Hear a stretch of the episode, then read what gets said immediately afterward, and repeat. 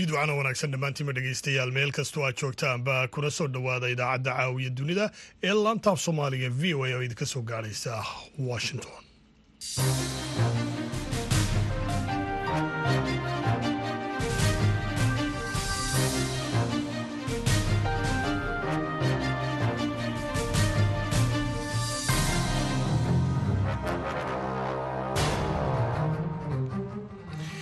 waa fiidnima isniina taariikhduna ay tahay. Soddonka bisha oktoobar ee sannadka waxaad naga dhegaysanaysaan mawjadaha gaagaaban ee tobanka iyo sagaal iyo tobanka mitirban iyo weliba guud ahaanba dunidood nagala socotaan bogayga v o a somali com.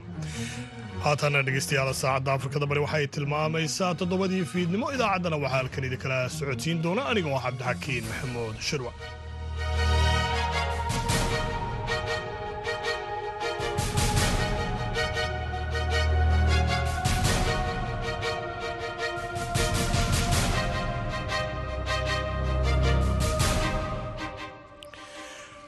qodobada dhegeystayaal aad ku maqli doontaan idaacadda caawiya dunidana. Waxaa ka mid ah fatahaado sababay dhimashada wiil yar oo afar jira oo ka dhacday amaba ka dhacay aan idhaahdee degmada ceelwaaq ee gobolka gadow roob ilaa iyo toddobaatan iyo laba saacadood ka daaya degmada ceelwaaq ayaa waxay saameeyeen dad badan oo shacaba iyo ganacsi guryo dumay iyo dad hadda hadda la ii sheegaya cunug yar oo afar jira inuu ku dhintay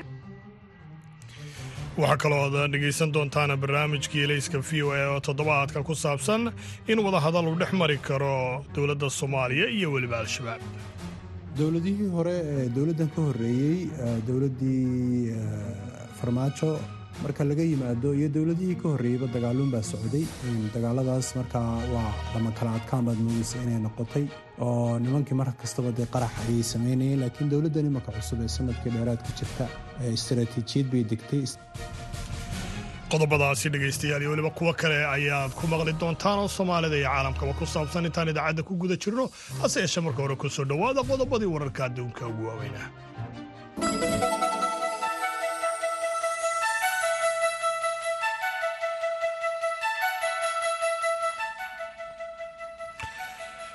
taliyayaasha ciidamada militariga ee dalalka ruushka iyo shiinaha ayaa maraykanka ku beegsaday islamarkaana cambaareeyey xilli ay ku jiraan shirka difaaca oo maanta ku qabsoomay magaalada beijing.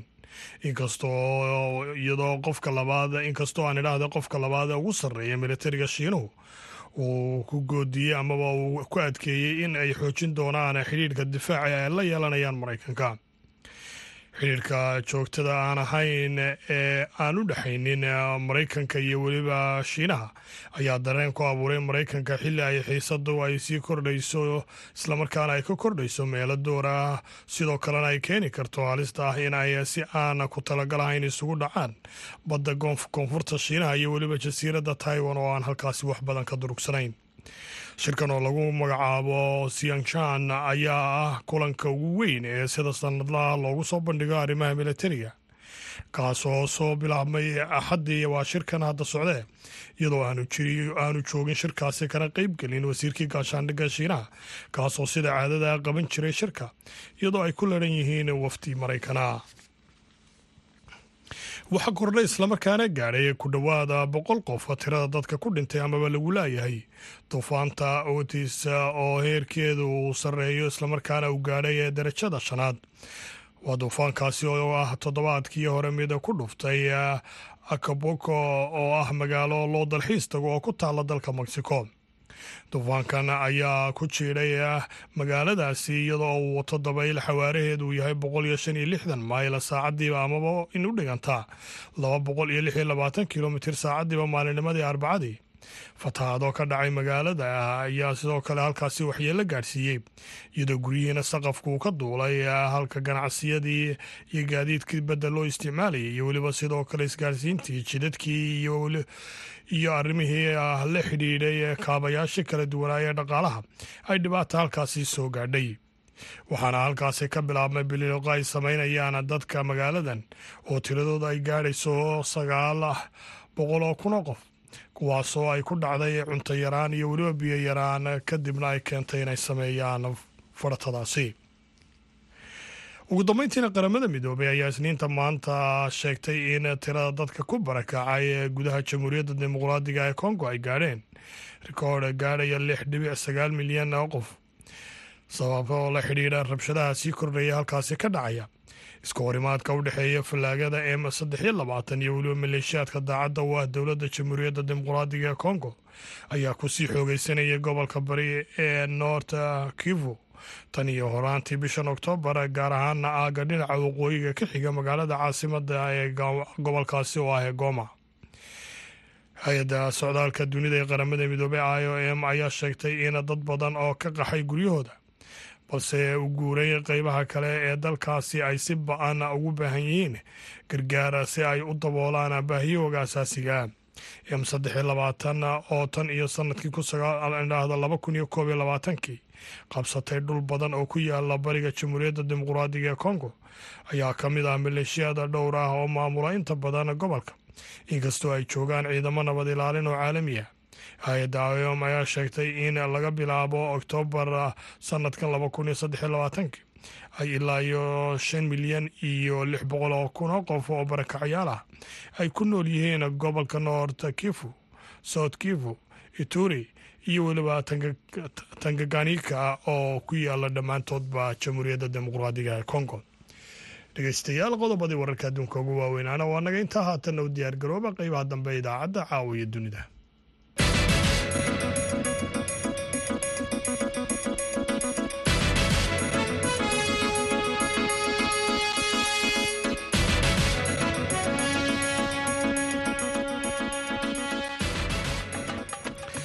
aan ku bilownay fatahaado sababay dhimashada wiil yar oo afar jira ayaa laga soo sheegayaa degmada ceel waaq ee gobolka gado kadib markii roobo halkaasi ka da'ayay muddo labiyo toddobaatan saacadood ah ay ka dhasheen daadad sababay in ay daadadkaasi ay magaalada soo gaadheen islamarkaana ay dadka barakiciyaan faahfaahinta warkan waxaa goordhaweyda soo diray aadan maxamed salaad roobabkan oo toddobaatan iyo labadii saac ee la soo dhaafay ka da'ayay degmada ceelwaaq ee gobolka gado ayaa saameyn xooggan ku yeeshay. Dadka danyarta ah ee ku nool degmada ceelwaaq ee gobolkaasi gado iyadoona sidoo kale uu roobabkaasi burburiyey. Inta badan suuqyadii waaweynaa ee ku yaallay degmadaasi waxaana sidoo kale ku geeriyooday fatahaadihii ka dhashay roobabkaasi xooggan. Wiil yar oo ilaa afar sanno jir ahi sida uu v o a u xaqiijiyey guddoomiyaha degmada ceelwaaq ee gobolka gado ibraahim guuleed aadan waxaana uu sheegay waxaa roob toddobaatan iyo laba saacadood ka daaya degmada ceelwaaq ayaa waxay saameeyeen dad badan oo shacaba iyo ganacsi guryo dumay iyo dad hadda hadda la ii sheegaya cunug yar oo afar jira inuu ku dhintay marka meelihii godadkii awel aan u banaynay oo kolley markii naloo sheegay inay alaliina inay jirto wacyigelin dadkii aan ku samaynay godad badan oo aan faagnay oo maaragtay biyaha ay geli jireen godadkiina way wada buuxsameen waa buux dhaafeen kulli waxay ku noqdeen xaafadaha lixda xaafadood oo degmada calwaq ay ka kooban tahay waxaan u malaynaa laba xaafadood hadda la degan yahay umalaynaa afarta kale waxa waaye biyihii waa laga baxay dadkii guryahoodii ay biyaha uga galeen. Marka khasaaro badan oo naf iyo maalbila ayaa ka soo gaaray roobabkii toddobaatan iyo labada saacadood oo da'ay. Ma jiraan goobo ganacsi ama suuqyada magaalada meelo biyaha ay burburiyeen? Ha suuqa suuqadii waa laga waaba laga guurayba suuqii oo awal laga ganacsanaya dadka ay ku ganacsanayeen waa laga guurayba oo biyihii aba la tegay raashimadii iyo wixii oo dhanba waxaa la tegay raashimadii waxaa la tegay biyaha la tegay. Goobo badan oo ganacsi oo laga guuray baa jiro. Marka khasaarooyin badan oo xag maal iyo xag nololeedba dadka gaarsiiyey roobabkaas oo toddobaatan iyo labada saacadood da'ayay waa jiraanoo marka aad iyo aad maaragtay xaafadaha hadda xaafadahan baa caawa lagu hoyanayna baa jiro oo dadkii ay xitaa matarasadii iyo bacayii intay qaateen banaanka u baxeen baa jiro. Meelaha kale oo maaragtay sidoo kale guddoomiyaha degmada ceelwaaq ee gobolka gado ayaa sheegay in saameyn xooggan uu ku yeeshay isu socodka dadka iyo gaadiidka.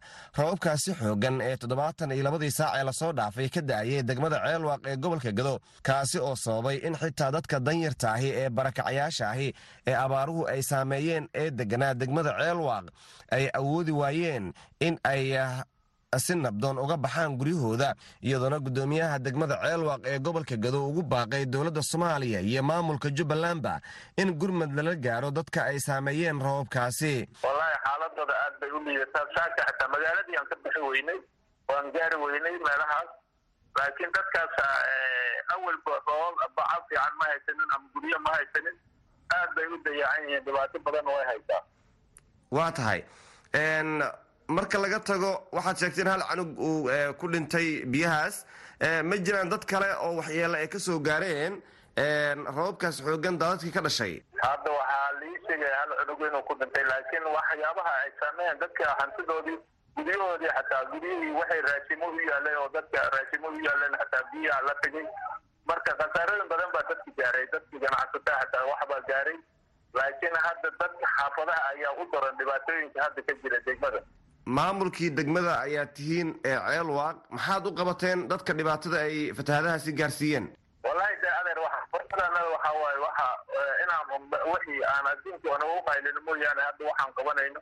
Dadkii inay meelihii maaragtay biyaha birta oo maaragtay meelaha godadka laga baxo oo kor la aado unba wacyigelintaas iyo in biyaha maaragtay dhibaatooyinkan haddii hadda la saan loo daayanayo dhibaatooyin badan ay dadka ka soo gaari doonaan caafimaad darre hadday tahay nooc walba hadday tahay inay wax ka soo gaari doonaan wacyigelin ayaanu samaynay wacyigelin unbaan dadki u samaynay ogi hadda wax maaragtay oo aan hadda annaga la joogno oo hadda aan ku caawinayno ma jirto. Meelo badan oo gobolka gada ka mid ahi ayaa roobab xoogan oo ka da'ay. Waxay sheegayaan in ay saameyn xoogan ku yeesheen dadka ku nool degmooyinkaasi gobolka gado iyadoona dhowaantan degmada halluuq ee gobolka gado oo si weyn uu burburiyey daadad xoogan oo ka dhashay roobabkii ka da'aya degmadaasi iyadoona boqolaal dad danyar ahi ay sababeen in ay barakac ku noqdaan gudaha degmada luuq ee gobolka gado.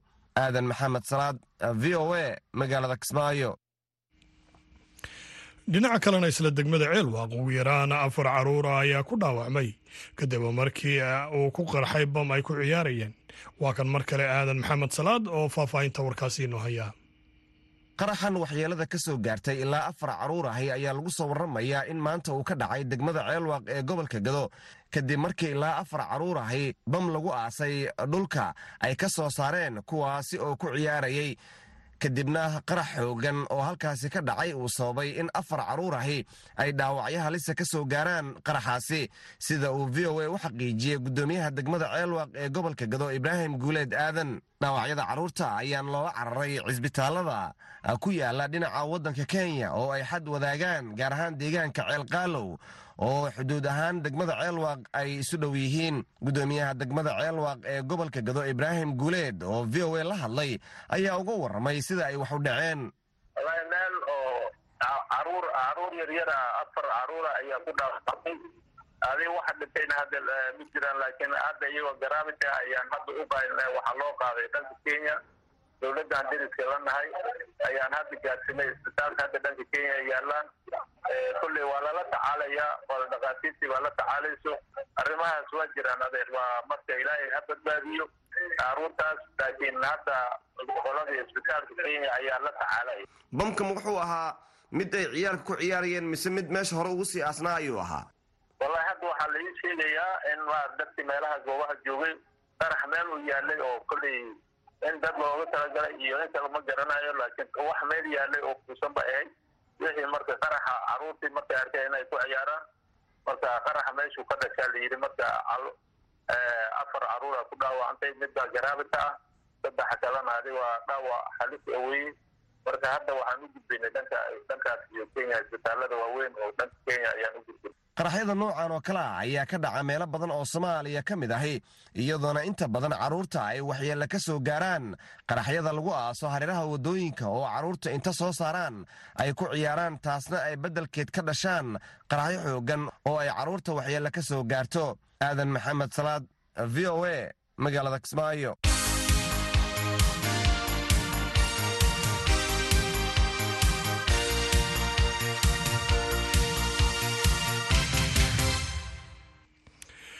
roob laxaadle ayaa ka da'aya magaalada baydhabo iyo weliba deegaano ka mida maamul goboleedka koonfur galbeed.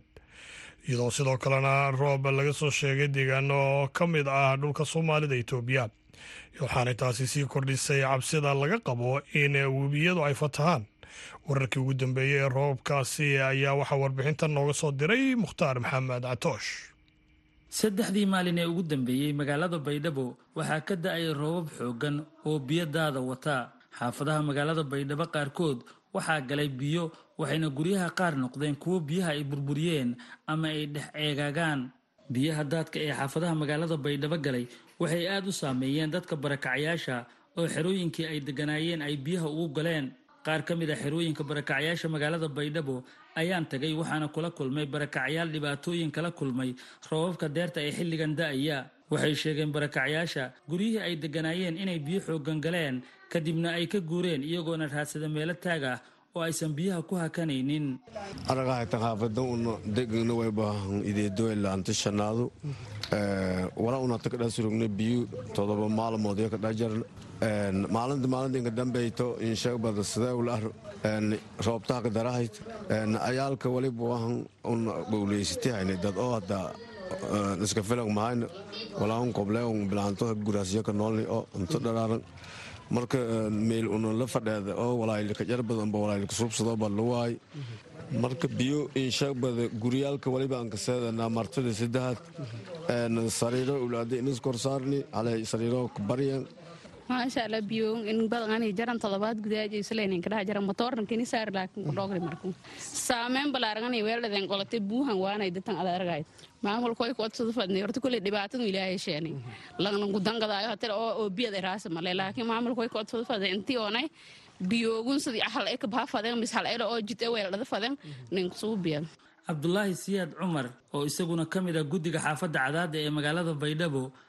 ayaa sheegay roobabka da'ayay maalmihii ugu dambeeyey inay wateen biyo xooggan oo ku fatahay xaafadda cadaadda waxayna saameyn ku yeesheen buu yidhi biyaha dadka danyarta iyo barakacyaasha ee xaafaddaasi ku nool.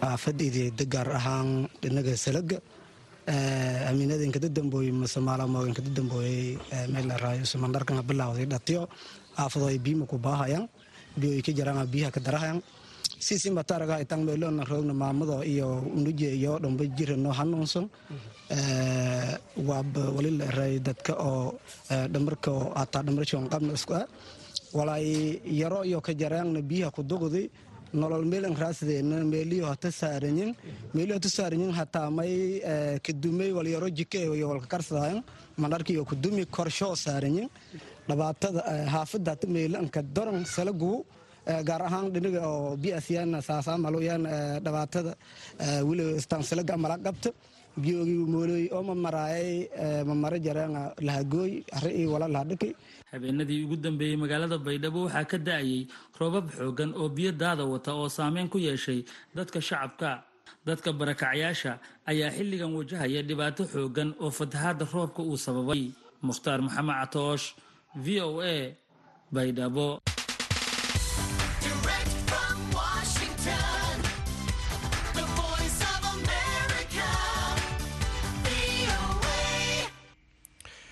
haatana waqooyi bari kenyaan afar qof oo isugu jira ciidamada amniga kenya iyo weliba kuwa madaniga ah ayaa ku dhintay laba weerar oo loo adeegsaday qaraxyo oo shalay iyo maanta ka dhacay gobolkaasi waqooyi bari ee waddanka kenya. Weeraradan ayaa imanaya xilli maanta dalka kenya uu ka bilaabmay imtixaanka qaran ee dugsiyadu. Maxamed faarax shire ayaa warbixintan inoo haya labadan weerar oo dhammaantood ahaa miinooyin waddada loo dhigay gawaarida ciidamada amniga dalkani kenya ka howlgelaya degmooyinka burura iyo degmada dhaab ayaa il isku celis waxaa ku dhintay afar qof. Degmada dhaab weerar lala beegsaday ciidamada g s u da loo yaqaanay kiyofiyad gaduuda. Ee duleedka degmada dhaab degan ayaa halkaasi miino loo dhigay waxaa kaga dhintay hal askari.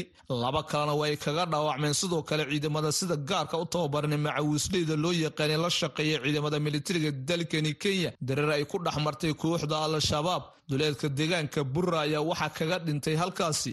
Saddex ka mid a ciidamadaasi sida gaarka u tababaran. Sidoo kale saddex kaloo dhaawac ayaa waxaa loola cararay deegaanka laamo sida dadka deegaanka degmada burra ay u sheegeen laanta afka soomaaliga v o eda.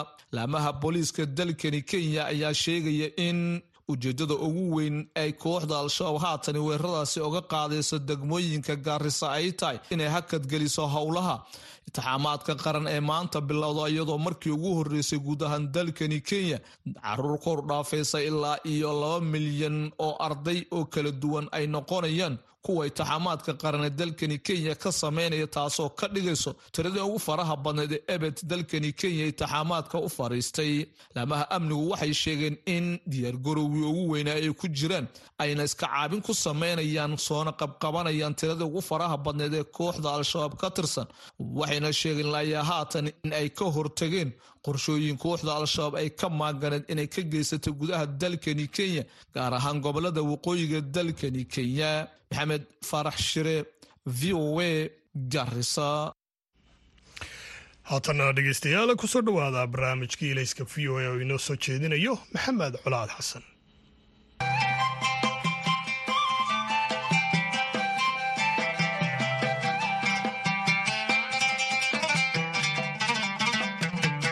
dowladda soomaaliya ayaa dhowaan ku dhawaaqday in wejiga labaad ee dagaalka ay kula jirto al-shabaab uu ka bilaabmayo maamul goboleedka koonfur galbeed. Inkastoo ay weli meelo badan ka joogaan haddana dowladdu waxay sheegtay inay ku kalsoon tahay in al-shabaab looga adkaaday dagaaladii lagula galay maamul goboleedyada hirshabeelle iyo galguduud. Madaxweynaha soomaaliya xasan sheekh maxamuud oo wejiga labaad ee dagaalkan kaga dhawaaqay dhowaan magaalada xudur ee xarunta gobolka bakool ayaa yidhi dagaalkii dhinacaas ilaahay idankiis waa ka soo dhammaaday labadan dowlad goboleed ee koonfur galbeed iyo maxaanku dhahdaa jubbaland oo ka socda ayagana waa ka socdaa ayaan rabnaa inaan soo wada xoojino isu nimaado jubbaland ma tegi karno haddaanan koonfur galbeed xorayn xeebta baraawa ka soo bilaab ilaa maxaanku dhahdaa kugeey rab dhuure iyo meesha hadda aan ka hadlaynay iyo iyo yeed iyo maxaanku dhahdaa ceel barde dhinaca kale qaar ka mida mudanayaasha baarlamaanka soomaaliya iyo saraakiisha amniga ayaa madaxweynaha la qaba in wejigii koowaad ee dagaalka uu ka soo dhammaanayo gobollada dhexe.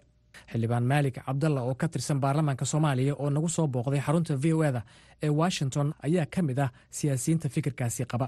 Runtii aniga fikirkayga waxaa waay al-shabaab waaba laga guulaystaba aniga aaminsanahay sababtoo ah wax walba waxay leeyihiin bilow iyo dhammaad. Waana la arkay shabaab inaysan dalkan iyo ummaddan soomaaliyeed wax wanaaga ama horumarkooda aysan u keenaynin oo aan ahayn burbur dhibaato iyo sumcad xumo ay ummaddan u keenayso. Ummaddiina finally hurdadii way ka kacday.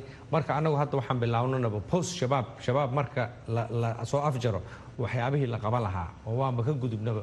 Waxaan aaminsannahay in shabaab laga guulaystay hadalhaynta wejiga labaad ee dagaalka al-shabaab iyo baaxadda dhulka ay weli kaga sugan yihiin gobollada koonfur galbeed iyo jubbaland ayaa dhinaca kale dhaliyey hadalhayn aan dhagaha soomaalida ku cusbayn oo ah suurtagalnimada in wadahadal lala galo al-shabaab. Haddaba suurtagal ma in dowladda ay wadahadal la gasho al-shabaab. Waxaan su'aashaasii weydiiyey ismaaciil daahir cusmaan taliya ku-xigeenkii hore ee hay'adda sirdoonka qaranka soomaaliya ee nisa. Waa ku salaamay colaad adigii dhammaan dhegeystayaasha v o oo dhan. Waa su'aal fiican waana su'aal muhiima meesha ku jirta. Balse shaksiyan aniga waxay ila tahay inaanan hadda la joogin.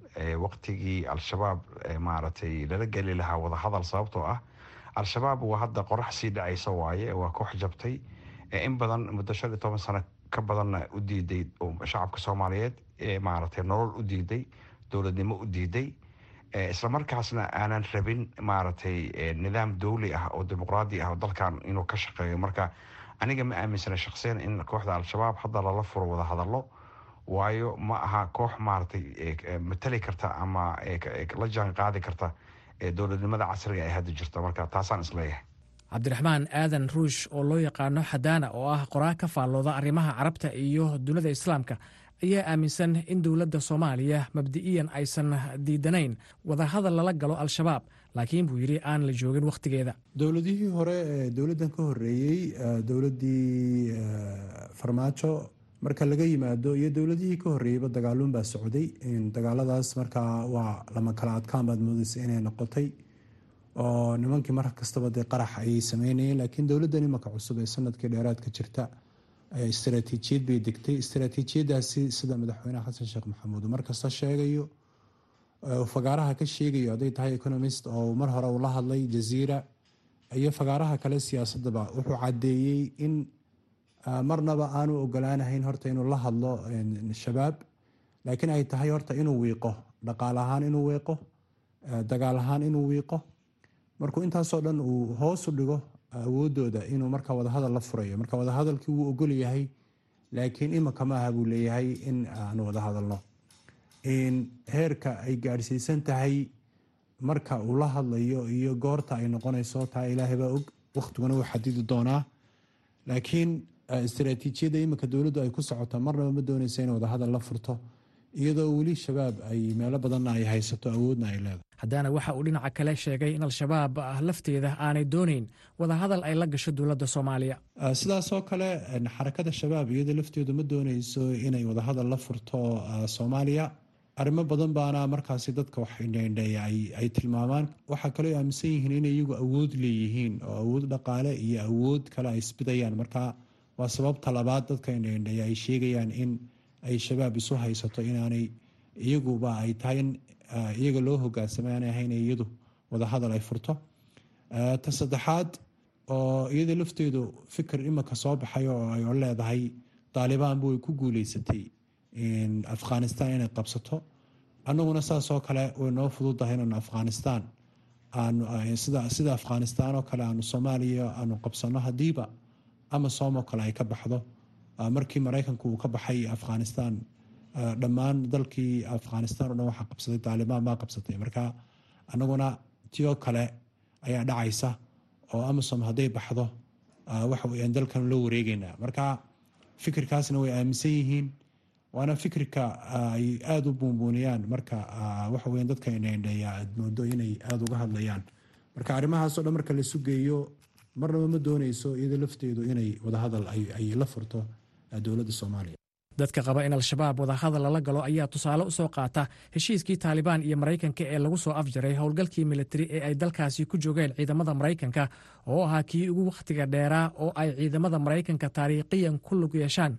Kaasoo askarigii ugu dambeeyey maraykanka afghanistan lagaga soo saaray soddonkii bishii ogost sannadkii labada kun kow labaatankii. Mar haddii taalibaanta afghanistan ay la heshiisay maraykanka maxaa u diidaya al-shabaab inay wadahadal la gasho soomaaliya? Waa kan ismaaciil daahir cusmaan oo sharaxaya waxa ay ka midaysan yihiin ururada xag jirka ah iyo waxa ay taalibaan kaga duwan tahay. Marka kooxdan alqaacida iyo isis al-shabaabna waxay isaga mid yihiin oo inta badan ay bartilmaameysadaan ay dilaan. Waa dadka muslimiinta oo ay bartilmaameysadaan ay dilaan. Maarata iyagoo markaas wata maarata diin islaan ay ku sheegayaan laakiin aanan lahayn wixii islaamnimada looga bartay oo ahaa nabadda iyo wada noolashaha taalibaan waa xisbul islaam waaye xisbi islaami ah waaye oo keliya u dagaalama dadka afghanistan u dagaalama dad maaragtay uma diiwaan gashana inay yihiin koox argagixisa. Marka taalibaan way ka duwan tahay alqaacida isis al-shabaab. Sababtoo ah waa xisbi islaama wadan hadda haysta ayagoo haystana marka hore laga qaaday haddana dib u qabsaday. Marka waa koox u dagaalamaysa mansabka reer afghanistan u dagaalamaysa waaye waana urur siyaasadeed oo laakiin nidaamka islaamiga ah wato waay cabdiraxmaan xadaana ayaa isna sharaxaadan ku daraya kala duwanaanshiyaha ururadan runtii xarakata taalibaan way kala duwan yihiin iyo xarakooyinka kale aad sheegtay ama dhaqdhaqaaqa kale aad sheegtay.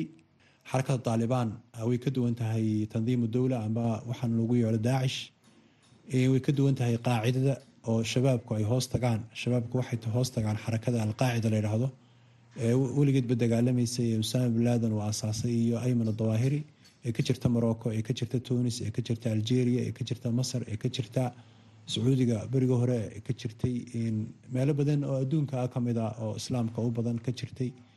Marka xarakada waxaad moodaa inay hoos tagtay shabaab. Marka alqaacida iyo taalibaanna way kala duwan yihiin taalibaan iyo xarakata shabaabna way kala duwan yihiin mar haddii shabaab ay qaacida la socoto waxaynu odhan karnaa taalibaan waa xarako suufiya ah. Halka shabaab amba xarakada qaacidada la yidhaahdaa iyadoo ay toos ugu xiran tahay fikirka markay towxiidka noqoto maxamed cabdulwahaab amba waxaan lagu yeedho lagu dacaydayo wahaabiyada waxaynu odhan karnaa taalibaan iyadoo fikirkeedu waa fikir xanafiya oo maturidiya fikirkaas ayay aaminsan tahay waana qabaa'il bashtuuna. Marka qabaa'ilnimada bashtuunkii waxay ku kaliftay iyo suufiyanimada naqshabandiyadahi inaanay afghanistanun ay ku ekaadaan oo aanay iyagu shuqul ku lahayn waxa kale ee ka socda adduunka kale. Fikirka way la aaminsan yihiin dee dad adduunka lagu xukumo dalka islaamka. Laakiin iyagu awliyaadkooda amba waxyaalaha ugu horreeya doonaya sameyn waxa weyaan inay afghanistaan horta ay dowladooda ay ka hanato oo dowlad adag ay dhistaan oo dadkan kale aanay faragelin saasay markastaba ku doodaan waana siday sameeyaan marka ay afghanistaan deemaka qabsadeen umay tallaabin iiraan umay tallaabin bakistan umay tallaabin hindiya meelo kale umay tallaabin oo xuduudahoodii ay la leedahay china umay tallaabin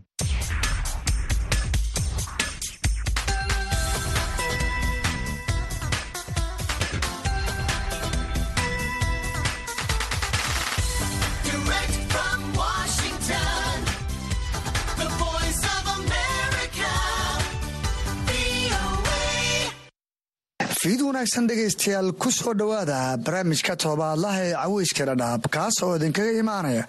La'aanta afka soomaaliga ee v o a reediga xeryaha dhadhaab.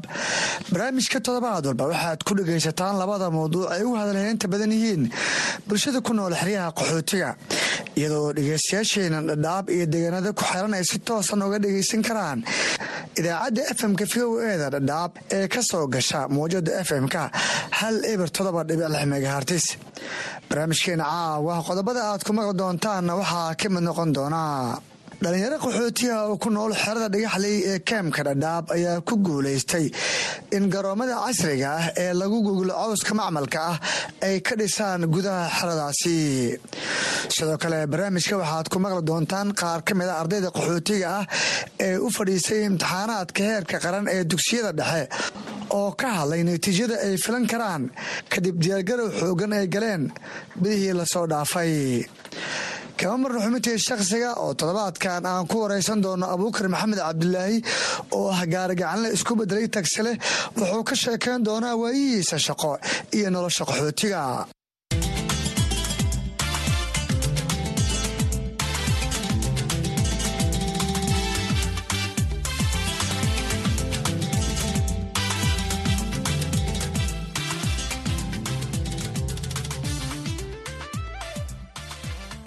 barnaamijka waxaa idinla socodsiinaya aniga oo ah cabdisalaan axmed.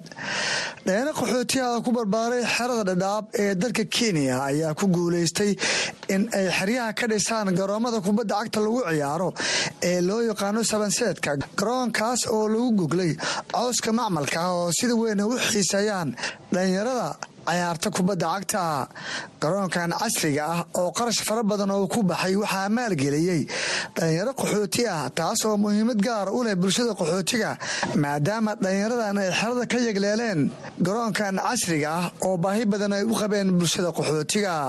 Maxamed cabdilaahi shide fanyuura wuxuu qayb ka yahay dhalinyaradan gegidan cayaaraha ka taabageliyey xerada wuxuuna ka waramayaa dadaalkii ay ku bixiyeen dhismaha garoonkan iyo baahida loo qabay garoomada casriga ah. Waxaan ka mid ahay dhallinyarada go'aankan qaatay inay meeshaan dhisaan oona u dhisaan bulshadii dhallinyaradii sboortskii alxamdulilaah ilaahay wuuna la garab galay si wanaagsan oo qurux badan oon u dhisnay inkastoo waxyaala badan ka soo marna hadda alxamdulilah maanta garoonka uu taagan yahay. Waana garoomada casriga rooga oo aad iyo aad hadda nooca ugu dambe u yahay. Alxamdulilah si wanaagsan oo loo dhisay. Garoon quruxsan uu yahay oo casri ah. Garoonkan baahi fara badan markaan fiirinay ayaan aragnay in aan bal aan hal abuur aan la imaan karno. Waana la imaanay alxamdulilah hala taaban kar uu noqday. Garoonkan waa garoon casriga qarash fara badan ayaa galay. Yaa idinka gacansiiyey dhismahan sidaan u diyaarsan. Wallaahi nine walaalow aniga iyo rag kale saaxiibadee ah alxamdulilah ilaahay maanta la saaranay. Marka kolley haddii wixii waalidna caawiy wixii anaka dhalinyar ahaan maskaxdaan la imaano iyo xooggeedii alxamdulilah waan dhisnay garoonkii. Waana loo baahnaa garoonkan noocan camal ah inay habeenkii dadka hadee maadaama maalin ay shaqaynayaan habeenkii hadee jirka inay kala bixiyaan damacsan. Dadna maalinkii inay ciyaaraan rabaan maasha allah. Alxamdulilah garoonka hadda waan dhisnay marka waana loo baahnaa hadda maadaama fursadan ee noo ahayd fursad aad iyo aad looga baahnaa xerada. Kaastaan ka hadlayo xerada waa dhigaxley laakiin saddexda xero ilaa iyo daarfuur waa la jeceliy waa laga imaaday. Waana la arkay waana isdhexgalnay maadaama hadee halkaamaan u samaynin saddexda kaam dhadhaab xagadheer ifo dhigaxley daarfuul iyo inta u dhowbo. Finyuura waxaa tahay isboortiga xeryaha magac ku leh. Marka laga tagana garoonkan xeryaha aad ka dhisteen ma ku muuqataa in fursad shaqo u noqon karo dhalinyarada kale ee qaxootiga ah. Aad iyo aad. Waa su'aal aad u wanaagsan. Annaga markaan dhisaynay waxaan u dhisnay in dhallinyaro aan fursad siino. Annagana aan ku noolaano maadaama hadda shan dhallinyaro aan shaqo gelinay aan hadda shaqa abuurka koowaad ayakaan ku bilownay aanaan insha allah maxaan rajeynaynaa oo qorshaha noogu jiro uu yahay jiim in murqaha iyo caloosha la dhiso. Alxamdulilah taa lafteeda iyadana waa shaqo kaleeto waana loo baahan yahay dhallinyaro ka shaqaysato maadaama waxaan jecelna annaka dhallinyaradii inaan muqaadaraadkii iyo tahriibkii aan ka reebno maadaama dhallinyarada aad iyo sports ay wada tahay. Waxaan jecelna inaan ku mashquulno xagga jiimkii xaggii garoonkii hadday noqoto. Facebooki labaad maxaa waa jiimkaas waan jecelnahay shan ma tobankaas ilaa toban kaleet aan ka sii shaqeeyaan. Bulsho ugu talagalnay marka maxaan rabnaa inaa ininka soo dhowaataan aana dhiirigelisaan aanaga niijibin shaqadan aana garab istaagtaan maadaama annaka uma samaysanin keligeena inaan oradno ininka baahna annaga waana noo baahantihiin alxamdulilah maxaana jecelnahay in aad na garab istaagtaan. Aad ba uu mahadsan yahay kaasan wuxuu ahaa maxamed cabdulaahi shide finyuura oo igu waramay gudaha xeryaha dhadhaab ee gobolka waqooyi bari dhinaca kale qaar ka mida bulshada ku nool xeryaha ayaa si weyn u soo dhoweeyey garoonkan cusub ee laga dhisay xeryaha maadaama dhallinyaro ku barbaaray nolosha adag iyo duruufaha qaxootinimada ay ku tilaabsadeen horumar la taaban karo taas oo dhiirigelin shaqo u noqon karto dhallinyarada kale ee ku nool xeryaha. Waa kan iftin cali daahir oo xubin ka ah dhaqdhaqaaqa da'yarta qaxootiga oo ka waramaya muhiimadda garoonkan u leeyahay shaqa abuurka dhallinyarada waa maasanta cabdisalaam baa ku dhahoy idaacadda v o e. Marka labaad barnaamijkan laga hergeliyey dhallinyarada ay ka hergeliyeen xerooyinka qaxootiga oo ah in salaxyada noocan oo kale laga furo. Waxbayna oga dhigantaana aaminsanahay aniga maxaa yeelay dhallinyarada way u baahnayn goobo noocan oo quruxsan. Hore umaysan lahayn qaxootiga in hadda laga furo. Waxweyn bay oga dhigan tahay dhiirigelin bay tahay. Waxay oga dhigan tahay shaqo abuur ay oga dhigan tahay. Marka waxweyn bay ugu fadhidaa dhallinyarada in garoomo noocan oo kale iyo goobo noocan oo kale ay ka furtaan xerooyinka. Inay wax qabsan karaan ayna tusinaysaa marka waxweyn bay oga dhigan tahay aan aaminsanahay dhallinyarada wax badan isbedelna inay keenaysaan aaminsanahay waa tahay iftinow dhinaca kale marka loo eego in koox dhallinyaraha oo qaxooti ah ay isbahaystaan ay garoon sidaan u eg ay maalgeliyaan door intee laag ayay horumarka bulshada ka qaadan kartaa? Wallaahi door fiican ay ku leedahay. Dhallinyaradan waa dhallinyaro qaxooti ku nool oo duruufo badan iyo xaalado badan ay iska haystaan. Hadday intay iskaashadeen oy dadaalkooda iyo xoogooda ay isu keeneen ay samaysteen meel noocan oo kale ah waxay tusinaysaa in waxay qabsan karaan dhallinyarada inta badan qaxootiyada shaqalaan fara badana ku haysato camalaan baa ku hayso maadaama ay isku dhabarjibeen inay goobo noocan oo kale furtaan ayagoo dhoora waxay tusinaysaa in waxay qabsan karaan dhiirigelina u tahay kuwa kalena ay ku daydaan ay keenaysaa marka waa horumar ay ku tallaabsadeen ala dhihi karaa. Dhanka kale waxaa kale horumar u keenaysaa dhallinyarada isdhexgalkooda xagga nabadda maadaama boloniga waxyaalaha ay tahay waxyaalaha bulshada u keena ay tahay isdhexgalka ugu horeeyo in isdhexgal badan ay helaan dhallinyarada isu yimaadaan balloodihii iyo waxyaalihii kale ay kaga mashquulaan. Dhallinyarada isboortka ay quruxdeeda macnaha ay soo bandhigaysaa meelahan oo kale. Macnaha ay ka qaadanaysa door weyn. Aad buu umahadsan yahay kaasna wuxuu ahaa iftin cali daahir oo u waramay barnaamijka caweyska dhadhaab oo si toosa idinkaga imaanaya. La'aanta afka soomaaliga ee v o a ugu dambayntiina bulshada ku nool xeryaha gaar ahaan bahda ciyaaraha ayaa ballan qaaday in dhallinyaradan halabuurka shaqo la yimid ay garab istaagi doonaan maadaama ay fikir shaqo oo muhiim u ah bulshada qaxootiga ah ay ku soo kordhiyeen gudaha xeryaha. Maxamed qaasim xasan xuur oo gudoomiyaha isboortiga xerada dhagaxley wuxuu ballan qaaday inuu la shaqayn doono dhallinyaradan maadaama uu wakiil ka yahay bahda isboortiga xeryaha isagoo xusay xafiisyada hay'adaha oo u garaaci doono bulshada sboortiska ee xeryaha. Aad baan ugu farxanay marka arrintaa noola sheegay oan ka soo qayb galnay oo nagula casuumiyey boqolkiiba boqol waan soo dhaweynayna mar walba iyo marka saddexaadna u baahannahay insha allahu tacaala. Xaradan xaqiiqadii garoon oo casriga noocan oo kale ah horan hal bisaa ka dhisnaa middan labaad oo lagu soo laweeyana aad baan ugu farxsannahay sababtoo ah waxay noqotay jilib culusti iyo dadkii maanta shaqaynay inay habeenka ku almiindeeyaan sidiiba aniga anaaba ka ah dhalinyarada ku ciyaarayso oo jilib culuska oo saacada yar inta la siiyo meesha ku ciyaar gaaran anaa oo ka mid ah. Marka baahi loo joogta aheed aan loo qabi waayo maxayna kor u qaadaysaa bilicda xarada waxaana rajaynaya insha allahu in countiyaha kale ama xarooyinka kale aan tartan fiican la sameyno aan soo bandhigno dhiirigelinta iyo dadaalka aan sameyno insha allahu tacaala. Waa tahay gudoomiya isboortiga xerada ayaa tahay. Dhiirigelinta iyo taageerada ka maamul ahaan aad la garab istaagi karto dhalinyaradan isxilqaantay maxay tahay? Xaqiiqadii cabdisalaam waa mahadsanta waa su'aal aad u fiican tan waxay ahayd muddo soo socotay dhalinyarada waa iga tashteen waan ka wada hadalnay. Initiative wax adag ka imaada waay. Marka waxay sameeyeen dadaal badan latasha badan bay sameeyeen kafadhi badan bay sameeyeen. Alxamdulilah ultimina way ku guulaysteen haddana waxaan rajaynaya in laba kale ama saddex kale oo garoon ah in la dhiso mustaqbalka soo socda insha allahu tacaala.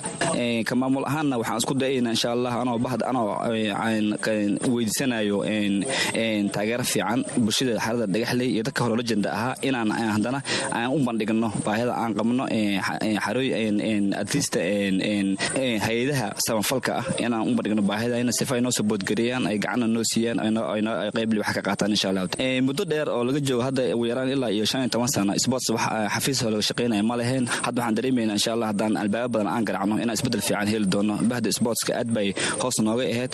Waxayaan samaynayna uun dhiirigelin iyo is-abaabul ka dhalinyaranimo iyo ka bulshanimo laakiin hay'adaha wax aan fiican ku haysana ma laha. Youthka iyo sportska waxaan u malaynayna wax alla wixii proposal aan la imaano inay iyagana tilaabo fiican ka qaadi doonaan. Waxaanan rajaynaynaa mustaqbalkan inaan heli doono positive feedback arrin ah insha allahu tacaala. Aad buu mahadsan yahay kaasina wuxuu ahaa gudoomiyaha isboortiga xerada dhagaxley ee kaamka dhadhaab maxamed qaasim xasan xuur oo igu waramay gudaha xeryaha dhadhaab ee gobolka waqooyi bari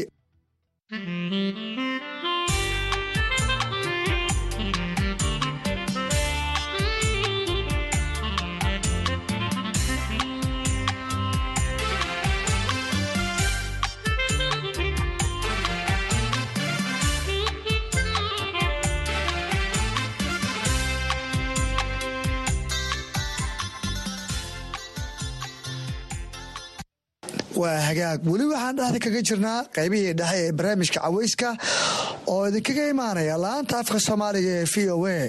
Waxaa idinku soo maqan xarimooyin kale oo xiise leh oo ku aadan isla wararka qaxootiga balse iminka aan idinku wareejiyo oo saaxiibkay axmed cabdulaahi jaamac axmed dheere oo sidaa igula sugan si uu nagu soo tabiyo barnaamijka qaybihiisa kale.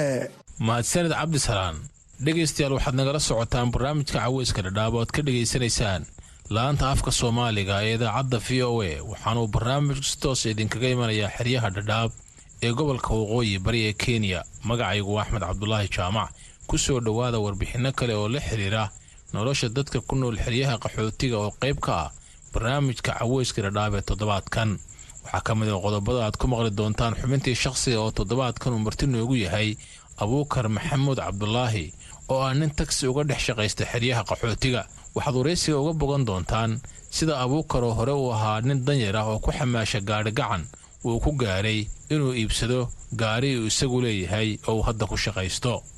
Waxaad kale oo maqli doontaan qaar ka tirsan ardada xeryaha qaxootiga u fadhiistay imtixaanaadka qaran ee dugsiyada dhexe ee dalkan kenya oo ka hadlaya sida ay isugu diyaariyeen imtixaanka iyo natiijada ay ka filayaan inay imtixaanka ka soo hooyaan iyo weliba waalidiinta xeryaha oo dhankooda ka hadlaya doorka ay waalidiin ahaan ka qaateen.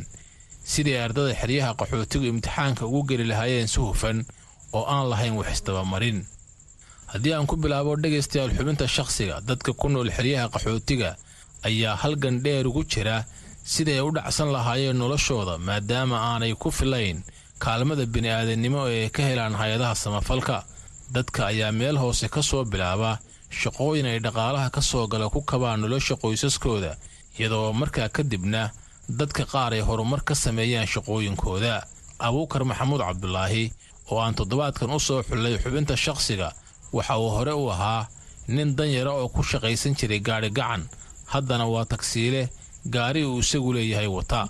Abuukar oo aan ku waraystay xerada xagardheer ayaa waraysiga ku bilaabaya waxa shaqadiisu ay ku biirisay nolosha qoyskiisa qaxootiga ah. Ani waxaan soo kordhinaa sokortii iyo caanihii iyo ilaahay ma kuu darnaada wax cidda ka maqan ubaan kordhi karaa. Laakiin wax ka siyaada hataa shaqadayda ma ku filnaa macnaha inaan keeno shaqadayda ma ku filnaa. Inaa wax ka siyaado aan dhihi karo waa ka maarmaa raashinka aan dhihi karo ima soo galo waa ka ceentaayo waxaan uga ceentaa kabkan yaro ani aan u urdaayo. Weliba hataa naftirkeyga waa isku filnaya amase ma dhihi karo. Laakiin kabkan yaro aan urdaayo aan xoogo uga ceentaa. Ceymisho waay weliba aan ku filnaya ma dhihi karo. Ceymisho waay. Orodka aan urdaayo meeshii la rabo haddii gaari lahaayena ma gaarsanaba dhaqaalahaas ma gaarsana iga waran isbeddelka dhinaca nolosha ee qoyska hadda iyo markii hore aanad shaqaynayn. Farqi intee lagbu dhexeeya waxaa u dhexeeyo waa u jeedaa nin aan shaqaynayn iyo nin shaqaynayo isku level ma noqon karaan. Ninka shaqaynaya xoogo waa if yar uu haastaa. Ninkaan shaqaynayn hadda waxba ma haasto waa fadhiyaaba intaasaan isdhaarna saas reerka saas isku dhan yahay sidee kuugu suurto gashay gaari gacanaad ka biisho qoyskaaga iyo waalidkaa kana masruufto inaad lacag ka urursatay aadna gaari ku gadato sidee kuugu suurto gashay? Ilaahay waafajiyey waxay igu suurta gashay. Mar walba waxaan ku figjignaa inaan wax meel dhigto. Mar walbow ani niiday waxaa ku jirta inaan wax meel dhigto. Ilaahay labaatan shilin ba allaha noqotay inaan meel wax dhigtaan igu go-need. Waxaan ani biilkaygaba ka soo haro meelaan ku ridi jira saasay igu suurta gashay marka cid walba ciddii markaasoo marba iga liidsan waalidkii aan u diray wixii ila joogo markaas tabaalaysanaan wax ka siinaayay waa laakiin dhigmiday waxay ku horeysa haddaa toban hadday noqoto meel baan ku riday labaatan hadday noqoto meelaan ku riday waxba uma aabayeeleyni markii aad gaari gacanka ku shaqayn jirtay dakhli inteeleg ayaa ku soo geli jiray maalintii iyo si guud bishii sideese u isticmaali jirtay dakhliga xilligaa ku soo geli jiray. Haa gaari gacanka markaan ku shaqayn jiray dakhli waxaa isoo geli jiray maalintii markaan ordo shan boqol lix boqol ay soo geli jirtay. Shan boqol lix boqol. Maanta waa la waaye saddex boqol ay soo geli jirtay. Waxaan dhigi jiray mar konton shilin mar boqol shilin mar hadday ii noqoto laba boqol saasaan u kala meerayn jiray. Baabuur baad sheegtay inaad soo iibsatay kan ka hor. Marka baabuurtaasu maxay kala ahaayeen? Mid walba lacag intee leeg ayaad ku soo iibsatay? Maxaase kugu kalifay? Inaad sii iibiso haddana aad gaari kale soo gadato haa marka ugu horeysay gaari gacanka waxaan ka dhuray waxaan ku soo gatay mid la yidhaahdo mooto. Mootadii saan u wado mootogaari saan u wado meeshii waxay noqotay meel hadda mootadii awoodi karin bacaadkii wixii waa bateen mootadii alla haal meesha ku dhibaatootay haddii markii damben kastamadeeda xumaaday marka waxaan daruufiyey inaan bedelo oon gaari u bedelo ilaan wax walba waa la aruursadaa.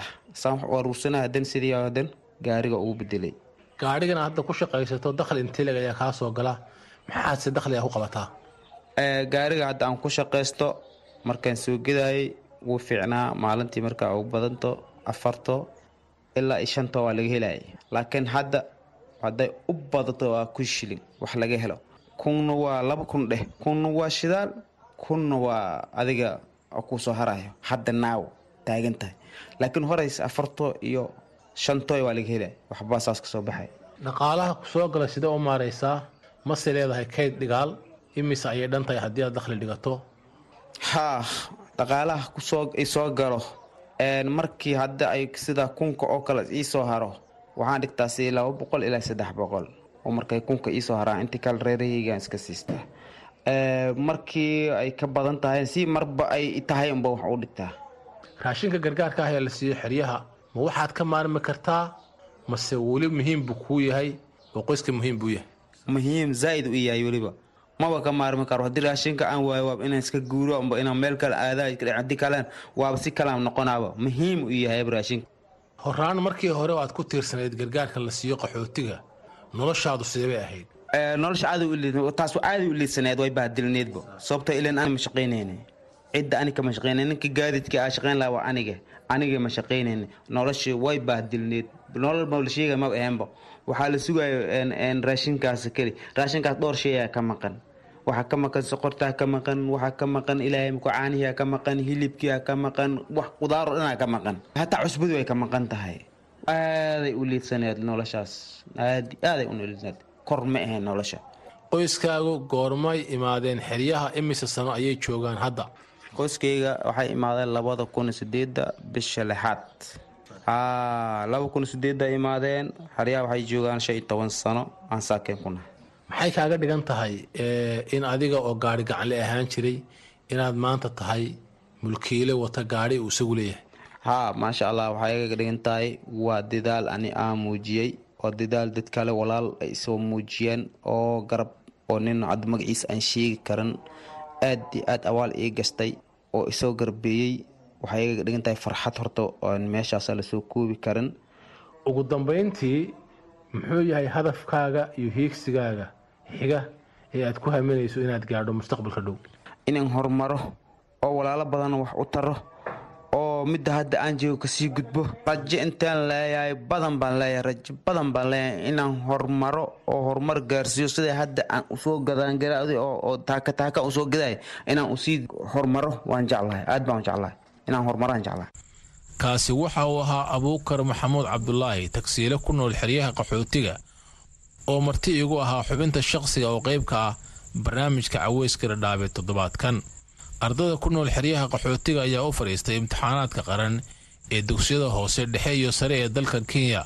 Ardada xeryaha oo sannad walba guulo wax ku oola ka soo hoya imtixaanaadka qaran ayaa aad isugu diyaariyey imtixaanka sida uu barnaamijka caweyska dhadhaab u sheegay maxamed maxamuud suge oo imtixaanka dugsiga dhexe ka samaynaya iskuulka albushra ee xerada xagardheer hortoo sanadkale soo dhaafayay diyaargarow aad u weynaa sameynaynay oo anay ahaan casharadeena muraajaceysananay habeeno badanaa soo jeedna u soo dhafarnay. Marka insha allah xaqeyr qabaa rajeynayna anigana dulaahidmo ee imtixaanka natiijo noocee baad ka filanaysaa wallaahi natiijo aad u wanaagsan oo u fiican. Inkastoo iskuulkeena ugu jira iskuulaadka ugu sareeyo northeastern kenya ah northeastern kenya insha allah marka natiijo fiican rajeynayna dulaahidmo suge waxa uu sheegay inuu xoogga saaray maadooyinka ugu muhiimsan manhajka uuna doonayo inuu cilmiga uu ka bartay xeryaha qaxootiga uu kula laabto soomaaliya waxna uu ugu qabto dadkiisa iyo dalkiisa hooyo. Horta waxaa ka mid ah sayniska mathematicska socialka iyo ayaariga ingilishka marka alaha kuwaas aa natiijo fiican ka rajeynaa dulaahid meel wax fiican keeno. Inkastoo kulli aa ka rajeyna kuwaas zaaid xoog aa sii saaray insha allah fiican aa ka rajeynaa dulaahidmo haa sax zaaid weli nasiib zaaid aad u fiican aa leeyahay alxamdulilah ilaha ku inkastoo aad kuwa lagu soo khatimayo brimary xagga brimariga ilaa galaseid ilaa fon fo marka insha allah adi dadku ugu nasiibka fiicananaan alxamdulilah ilaah mahad iskale wallaahi caqabad aad u weyn oo xasaas laga sheegan karo. Wallahi ma jirta. Kulli alxamdulilah anaga ku nabad qabnaa meesha wax dhibna ma aragno. Alxamdulilah insha allah waxaa u imaadaa meeshaan saas ahaba wallahi waxbarasho ilaa waxaa hirsanaya heer jaamacadeed. Ilaa horumaraa ka gaara insha allah oo mustaqbal fiican meesheeda ka soo saari doono dulaahidmo inaa dadkayga caawiyo u laabto ay kalaftirkooda aa caawiyo oo horumar meel fiican ugu soo gaaro oo halgamaa soomaalina noqdo arjana insha allah. Insha allah waxay u baahan yihiin oo anna karaankayga eh hadda wax barasho ay noqotaa wax bari kara dad waa bari. Haddee wax takhasusaa dheer hayne oo u faa'iideen insha allah. Fartuun maxamuud maxamed oo ka mid a gabdhaha sanadkan u fadhiistay imtixaanka dugsiga dhexe ayaa sheegtay inay aada isu diyaarisay ayna rajaynayso natiijo fiican. Wallaahi dadaal fara badan macalimiin badan isku dabamara adi one hour intan jarta aan break timeka iyo lunch timeka haysano ayaan waxaan isku mari jirnay saddex macalin oo tuushina oo maadooyin keliyana siinayaan si aan maadooyinka noogu adag noogu fududaadaan insha allah waxaan rajeynaynaa natiijo aan ku wada qanacnaynayno ani insha allah waxaan rabaa ilaa heer jaamacad inaan waxaan rajeynayaa dhakhtar noqdo aan ummadda islaamka u maciino oo gabar lagu hirta aan noqdo ayaan rajeynayaa ilaa heer jaamacad ayaan jecla inaan noqdo. Oona hodhow macalimiinta waxay bareen iyo arkaan oona wax qabsanayo oo dadkayga caawinayo insha allah fartuun waxay sheegtay in yoolkeedu uu yahay in tacliinta ay baratay ay wax ugu qabato dalkeeda oo sida ay aaminsan tahay aada ugu hooseeya dhinaca waxbarashada. Annaga haddaan soomaali nahnay waxbarashadeena adi loo waayo oo waxbarasho fiican ma haysano. Soo inta waxaa maanta wax ugu baranayo ina waxay tahay soomaaliya dalkayga hooyo. Aana wuxuu qabto dee ummadeenana aan caawiyo insha allah taan maanta wax u baranayo waa taas inaan waalidiinteeda garab qabto. Gabdhaha ayaa mararka qaar waxbarashada dhexda uga hara sababo kala duwan awgeed.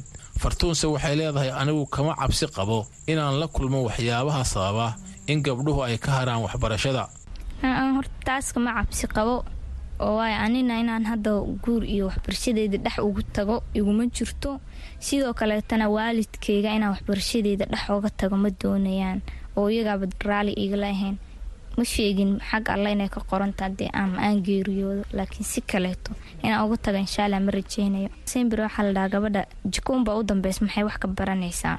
Maanta haddii aan ani wax barto ama jika aan gala ama yaan gelin horta laba gooro waa guursanaya ilmo waa dhalaya hooyo waa noqonaya so haddii aan hooyo noqdo ilmo aan dhalo ilmahayga yaa hadhow ii caawinayo waxbarashada iskuulka macalimiinta inaan ka dhisaa layga rabaa cashiraantooda meelay marayaan inaan ogaada layga rabaa inaan aniga wax u aqrin karaa layga rabaa. Ee ma aan markay ilmahayga iskuulka ka imaadaan baagi inay halkaas ku tuuraan meelay waxay soo dhigteen wax kaleeta aanan kala garanaynin aan wax aqrin karin waxaana qori karin xitaa haddii aan wax barto oo maanta aan reer yeesho i hope ninkayga inaan shaqada ka caawin karo aan arjiyada u qori karo aan garab siin karo. Ayaan ogaa. Dhegaystayaal inta ayuu inoogu egyahay barnaamijkii cawayska dhadhaab ee toddobaadkan. Intasi aanan ka bixin aan mar kale dib idinku celiyo saaxiibkay cabdisalaan axmed cabdisalaan oo barnaamijka ila daadihinayey mahadsanid axmed dheere haatana dhegaystayaal ku soo dhowaada heesta barnaamijka subax baad kacdaa noloshu waa sadarka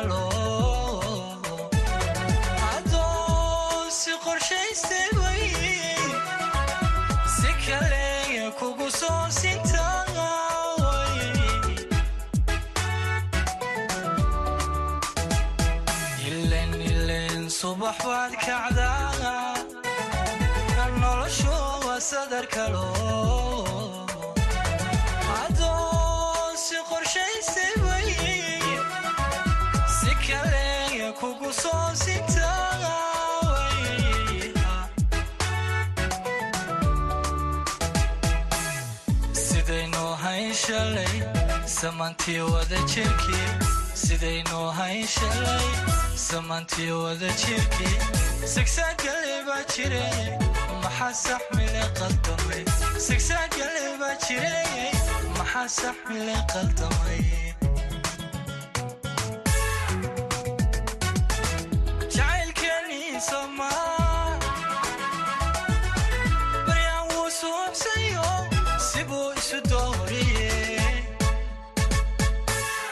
balsaakana waa jimcey buniya u sameeya salo malaha saar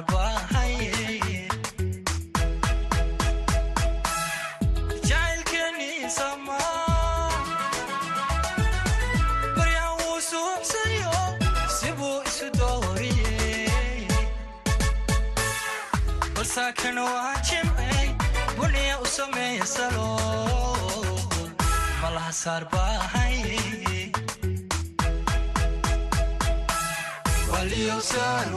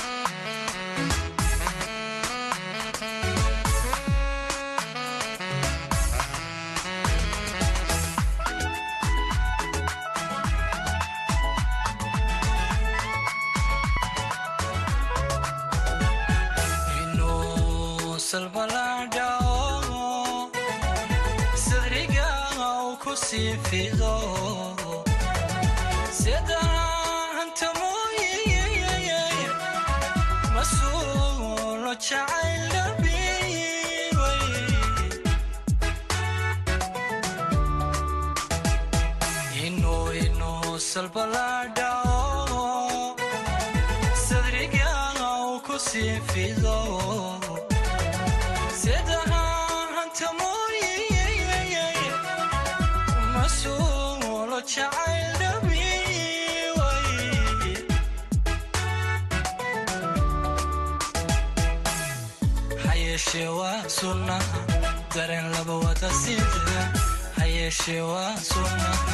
dareen labawada sintira inuusan wisoo galeeyey maxaa isu kaa sawiray inuusan wisoo galeeyey maxaa isu kaa sawiray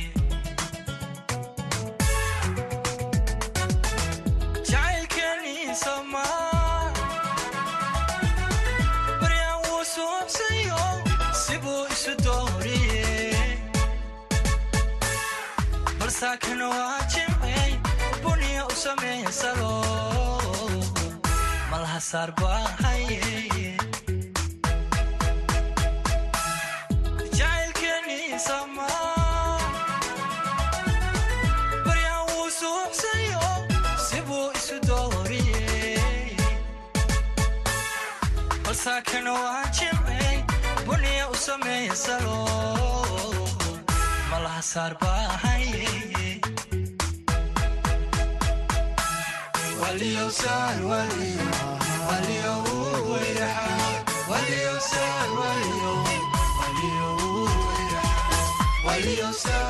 guudahaan dhegeystayaal barnaamijka caweyska ee toddobaadkan halkaas ayaan ku soo afmeerayaa barnaamijka.